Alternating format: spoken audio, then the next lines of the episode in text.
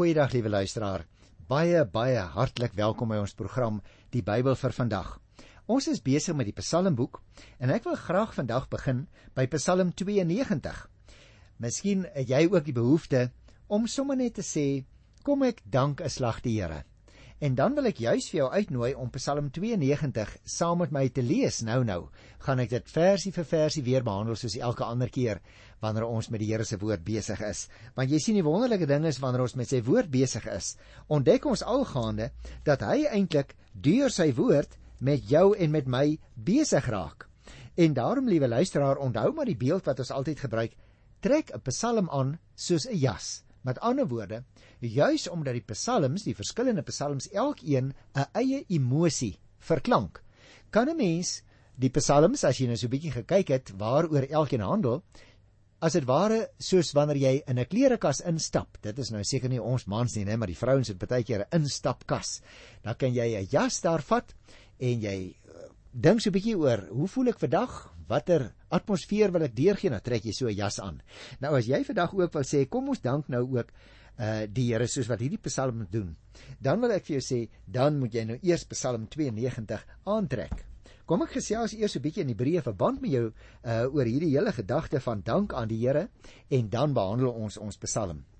Want jy sien 'n danklied luisteraar kyk gewoonlik terug op wat in die verlede gebeur het Dit is eintlik soos 'n film as ek nou 'n moderne beeld mag gebruik as jy my sal verskoon. Dit is eintlik soos 'n film van jou eie lewe. Daar kom dan groot dankbaarheid in jou hart op wanneer jy dink aan waar jy was en waar jy nou is. Jy voel soos die psalmskrywer ook in hierdie psalm dat jy nie kan stil bly nie. Jy wil die Here loof en dank. Jy wil vir almal vertel hoe die Here jou gered het. Kom daardie behoefte ook soms by jou op? Want jy sien 'n mens deel so moeilik jou getuienis met ander mense. En dit is so belangrik dat ons dit sal doen want wie liewe luisteraar, partykeer is iemand se getuienis baie sterker sprekend as die preek van 'n dominee. Daarom is dit so belangrik om ook met iemand anders te deel hoe siek jy was of hoe moedeloos jy was of hoe sleg jy sommer maar net gevoel het en hoe dat jy na die Here toe gekom het en hoe dat hy jou hele gemoedsinstelling verander het. Soos handomkeer het die Here die digter van Psalm 92 se gemoed ook verander. God het hom gesond gemaak want hy was siek. Hy was amper dood, blyk dit uit die Psalm. Maar die Here het gekeer dat hy sterf. Elkeen, liewe luisteraar wat die Here getrou dien, kan saam met hierdie man getuig hoe wonderlik die Here is. Jy sien in dankliedere gaan dit oor 'n spesifieke redding. Die lied verduidelik wat verkeerd gegaan het en hoe God dit reggemaak het. Dit vorm dan die groot rede hoekom God dan geloof en geprys moet word. Met ander woorde op grond van dade wat hy in die verlede gedoen het en wat hy spesifiek aan jou gedoen het. Nou liedere waarin 'n individu God prys oor wat hy vir hom gedoen het, kom byvoorbeeld voor in Psalm 30 en 32, 34, 92 byvoorbeeld wat ek nou gaan behandel 116, 138. Dan ook weer in Psalm 65 en 67, 107 nog 'n hele paar ander gaan dit oor groot groepe van mense. Met ander woorde, jy kry dankliedere van die enkeling en dankliedere van groter groepe mense. Die gemeenskap het byvoorbeeld van tyd tot tyd ook mos in nood beland en die Here het hulle uitgered. Soos jy in 'n groep mense miskien uitgered is deur die Here uit benouende omstandighede of by 'n openbare geleentheid, kom daardie gedagtes dan by sulke mense op. En hulle getuig dan van God se bevryding en redding en dan wil hulle graag 'n lied sing van danksegging vir sy wonderlike dade. En dan is hierdie soort liedere, dankliedere net die regte ding om te sing. Nou moet ons ook onthou in die dae toe alles met die digter goed gegaan het, het hy dit as van selfsprekend aangeneem. En daarom is die psalms my sulke wonderlike liedere. Want jy sien by jou, my is dit ook dikwels so as dit met ons goed gaan, dan dink ons nie eintlik aan die Here nie. Maar wanneer dit met ons sleg begin gaan, dan kyk ons skielik na die Here soms 'n bietjie verwytend na die Here. Hierdie man wat 'n uh, eh, hier aan die woord is, maar ook in van die ander psalms wat ek nou net genoem het, het nie besef dat dit die Here was wat hom ook in daardie omstandighede vasgehou het en beskerm het nie. Maar toe kom dit op 'n dag tot 'n krisis in sy lewe. Sy hele lewe was skielik de mekaar en in totale chaos. Hy het die dood in die oë gekyk en begin bid. Dit het gevoel of die Here hom weggegooi het. En toe het hy die Here gesmeek om in sy lewe in te gryp. Nou hierdie soort van individuele dankliedere kry mense op verskillende plekke. Want jy sien luisteraar, daar is eintlik ag seker meer, maar ek wil vir jou graag 3 noem. Daar is 3 soorte lewensomstandighede waarna daar in die psalms verwys word. Die psalm kan byvoorbeeld verwys na die grootse opset van die skepping af. Toe die Here van daardie tyd af alles wat hy gemaak het, geseën het. Dit kom natuurlik veral ook voor in die lofliedere. Die tweede moontlikheid is dat die lewe gedisoriënteerd raak vir mens dan is daar groot krisisse. Die gelowiges ervaar pyn en verwarring en smeek die Here om hulle omstandighede raak te sien en dit te verander. Dit kom veral voor in die klaagliedere ook van die individu van die volk, want net soos wat jy individuele dankliedere kry, so kry jy ook individuele klaagliedere. Ek het gesê daar's 3 moontlikhede. En die derde een is dan wanneer die drama tot 'n einde gekom het. Elke ding is weer ordelik en die balans is herstel. Dit kom byvoorbeeld voor in psalms van dank en lofprysing. Die gelowige het in sy geloof gegroei en verstaan nou beter hoe belangrik God in sy lewe is. Toe die digter die Here se goedheid ervaar, die een oomblik was alles nog donker in sy lewe. Die volgende oomblik het God se lig deurgebreek. Hy kon van vreugde dans oor die Here wat sy lewe herstel het. En hieroor kan hy nie stil bly nie. Hy kan nie ophou om vir die Here dankie te sê nie. Hy wil sing en sing en die Here loof so lank as wat hy lewe. En daarom wil ek nou kom by die teks in Psalm 92 omdat dit so 'n pragtige Psalm is. Boaan staan: Groots is alles wat U doen, Here. 'n Psalm, 'n lied vir die Sabbatdag. Nou, kom ons lees die eerste 2 versies. Dit is goed om die Here te loof om u naam te besing allerhoogste om elke môre van u liefde te getuig en elke aand van u trou. Nou jy sien liewe luisteraar as 'n mens hierdie eerste 2 verse lees dan kom jy agter na die ballingskap is Psalm 92 skynbaar tydens die tempeldiens by die môreoffer gesing. In hierdie psalm besing die digter God die skepper die regerder van die hele wêreld jy sal dit sien as ek net by vers 6 kom naamlik die ondergang van die goddelose word dan ook aangekondig en word die finale uitdaging van God se vyande as ondergang voorsien. In hierdie eerste 2 verse wat eintlik ook maar geld as die opskrif van die Psalm, word dit genoem 'n lied vir die Sabbatdag. Na die ballingskap, liewe luisteraar, wil dit dus voorkom asof Psalm 92 veral op die Sabbatdag gesing is. Nou kom ons lees vers 3 tot by vers om elke môre van u liefde te getuig en elke aand van u trou om dit te doen met snaarinstrumente met harp en lier. U groot dade Here het my baie bly gemaak. Ek wil sing oor wat u gedoen het. Groots is alles wat u gedoen het Here ondeurgrondelik u gedagtes is dit nie waar nie ons verstaan nie regtig die gedagtes van die Here nie luister vers 7 wie dit nie besef nie is 'n dom mens wie dit nie insien nie is sonder verstand. Jy sien luisteraar, elke môre en elke aand sê hy, is daar by die offer gesing met musiekbegeleiding. Met offer en met lied het gelowiges getuig van God se liefde en sy trou vir die gelowiges. En is God se groot verlossingsdade natuurlik dan in herinnering geroep. Veral ook kry mens hierdie gedagte in Psalm 64 vers 10 en 77 by die 12de vers het ons dit ook al teë gekom.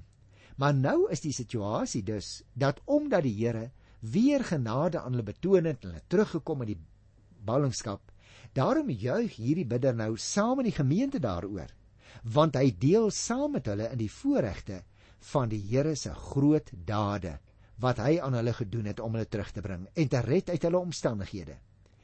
Jy sien, wie aan God se skepingsdade en sy magtige reddingsdade dink, kan net in verwondering voor die Here buig en aanbidding luisteraar.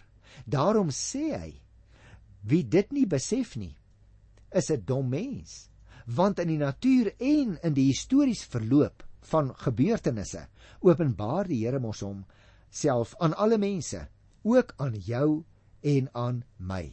Dis 'n wonderlike wonderlike lied. Dit wil dus my lyk in hierdie verse tot hier by vers 7 dat die koor wat by die offer optree met musiek begelei is. God se groot verlossingsdade word op hierdie manier in herinnering geroep. Sal interessant hè.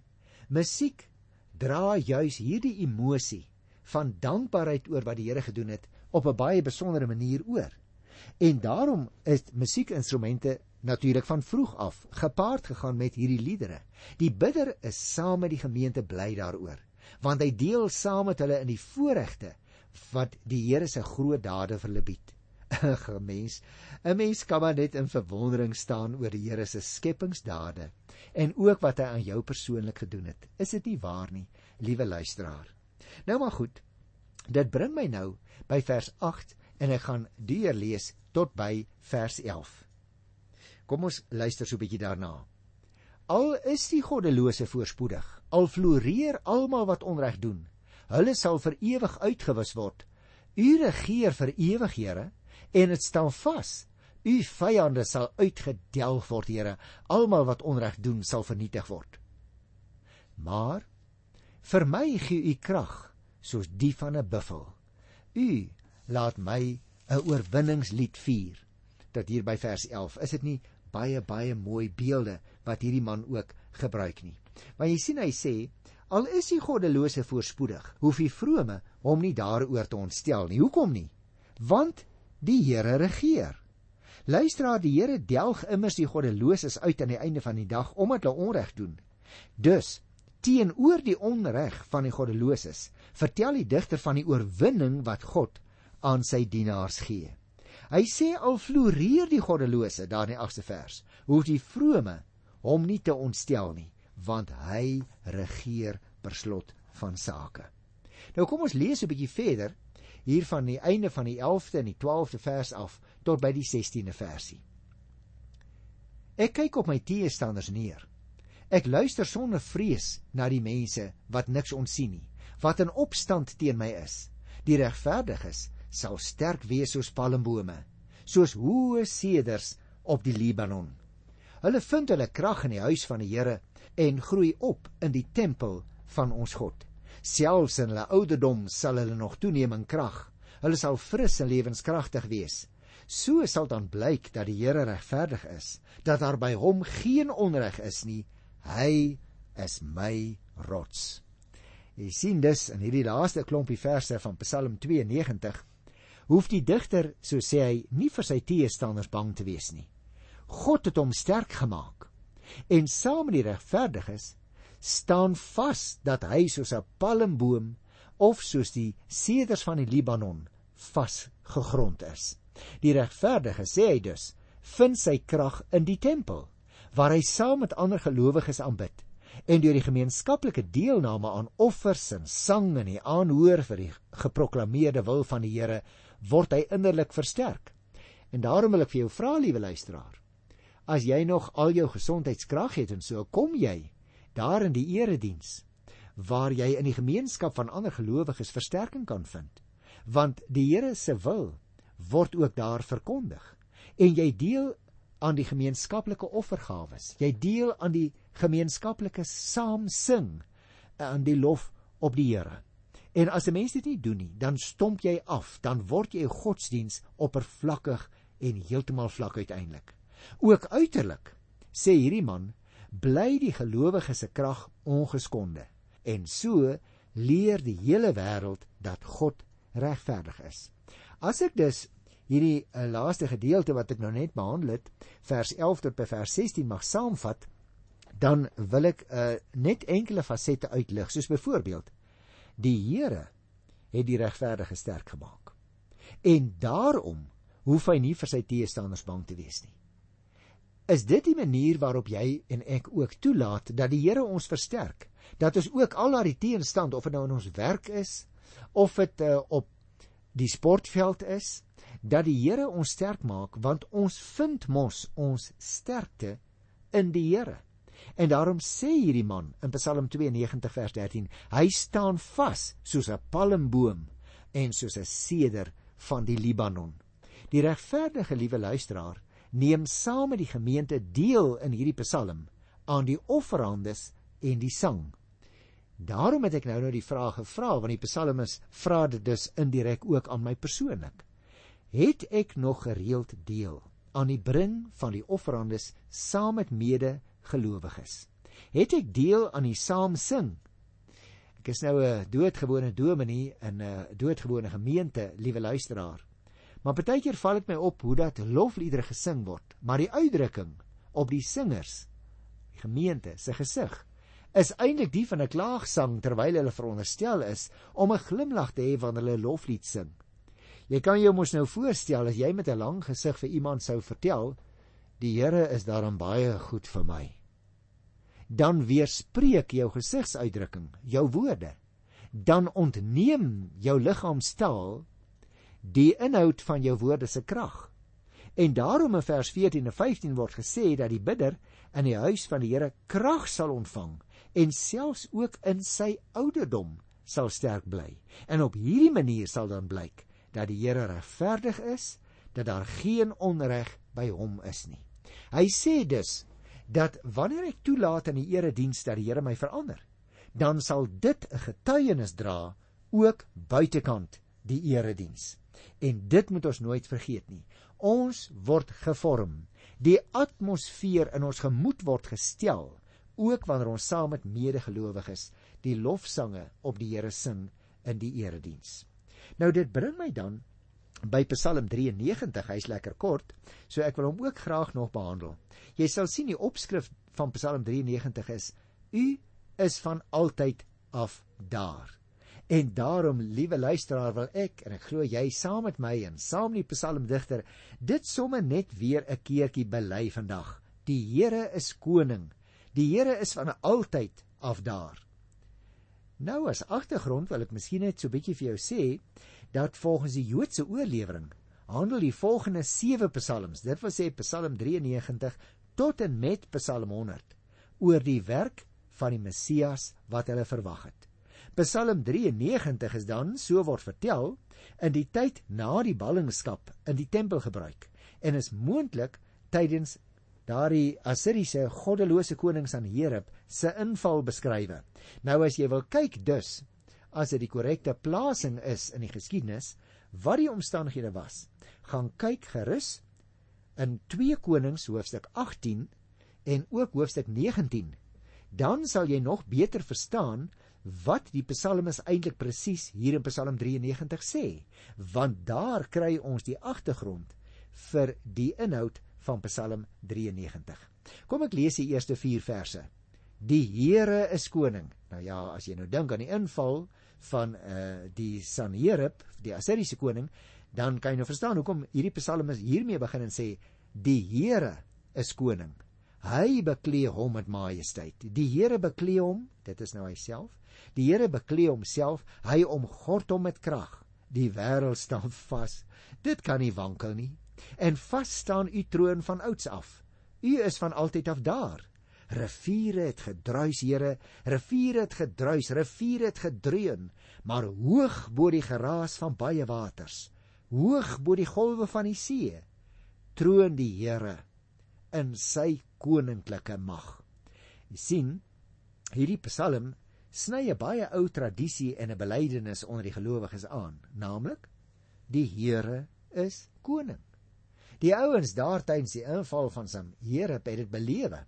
Maar ook natuurlik as jy gaan kyk in Eksodus 15 vers 18 hoe dat hulle die Here bely het juis op hulle uittog uit Egipte land. Gaan kyk ook maar in Deuteronomium 33 vers 5, dan kry jy dieselfde gedagte van dat die Here koning is. Dus in Psalm 93 kry ons nou veral 'n sterk beklemtoning dat God van altyd af koning is in vers 2. Met ander woorde, as hulle terugkyk in die geskiedenis, dan bely hulle dit. Daarvoor is hy immers soos 'n koning geklee. Riviere en waters en golwe van die see verwys alles na die skepingswerke wat deur die Here uitgevoer is. Dit is dus deur die omringende nasies as chaosmagte by die skepping gesien. En natuurlik is dit so van ouds af het oud Israel bely die Here is koning. En hoe is hy beklee? Met majesteit en heerlikheid en krag daar in die eerste vers. Ja, sy majesteit en heerlikheid blyk juis uit die ligglans wat sy verskyning vergesel.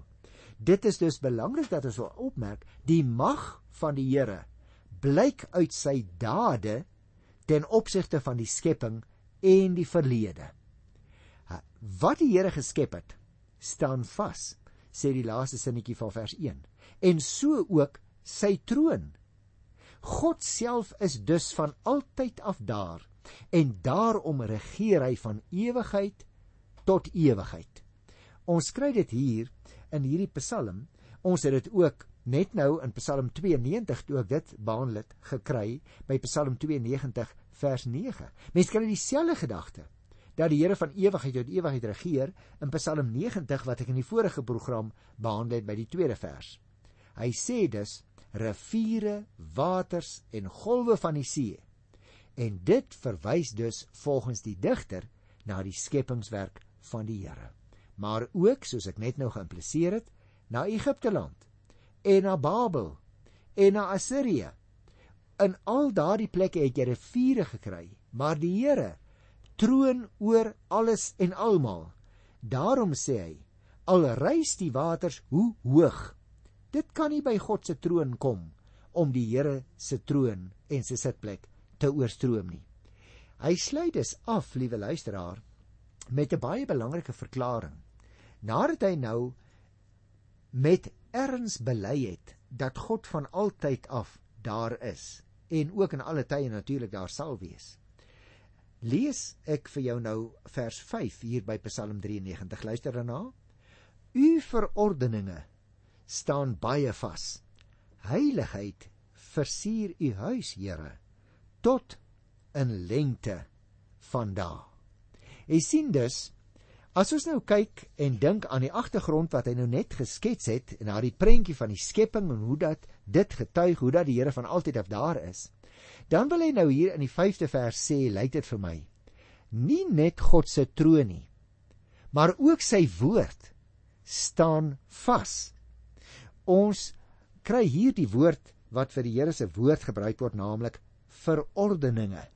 En ek het al vir jou van tevore gesê dat verskillende woorde gebruik word om die bepalinge of die verordeninge of die insettinge of die gebooie van die Here te beskryf.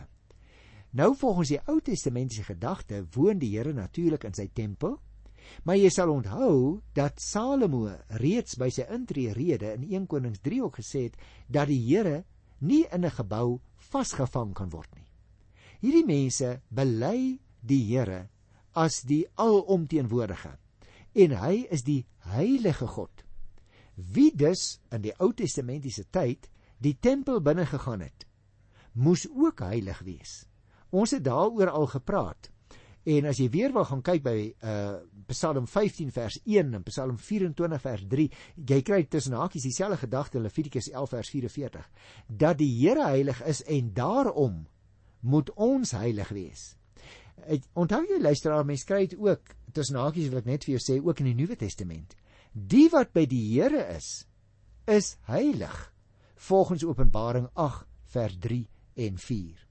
En hy, die heilige, regeer reeds nou, maar hy regeer ook tot in alle tye. Daarom is die gedagte wat hier na vore kom op Psalm 93, die Here is die ewige koning.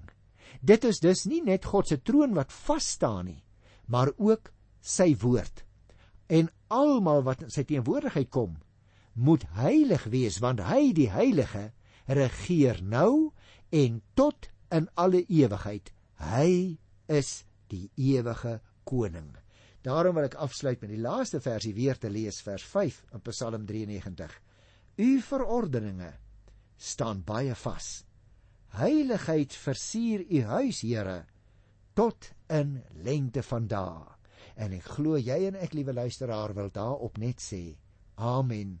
Ja. Amen. Sy verordeninge staan vas. sy heiligheid duur tot in lengte van dae. Ek groet jou in die wonderlike naam van die ewige God. Tot volgende keer. Totsiens.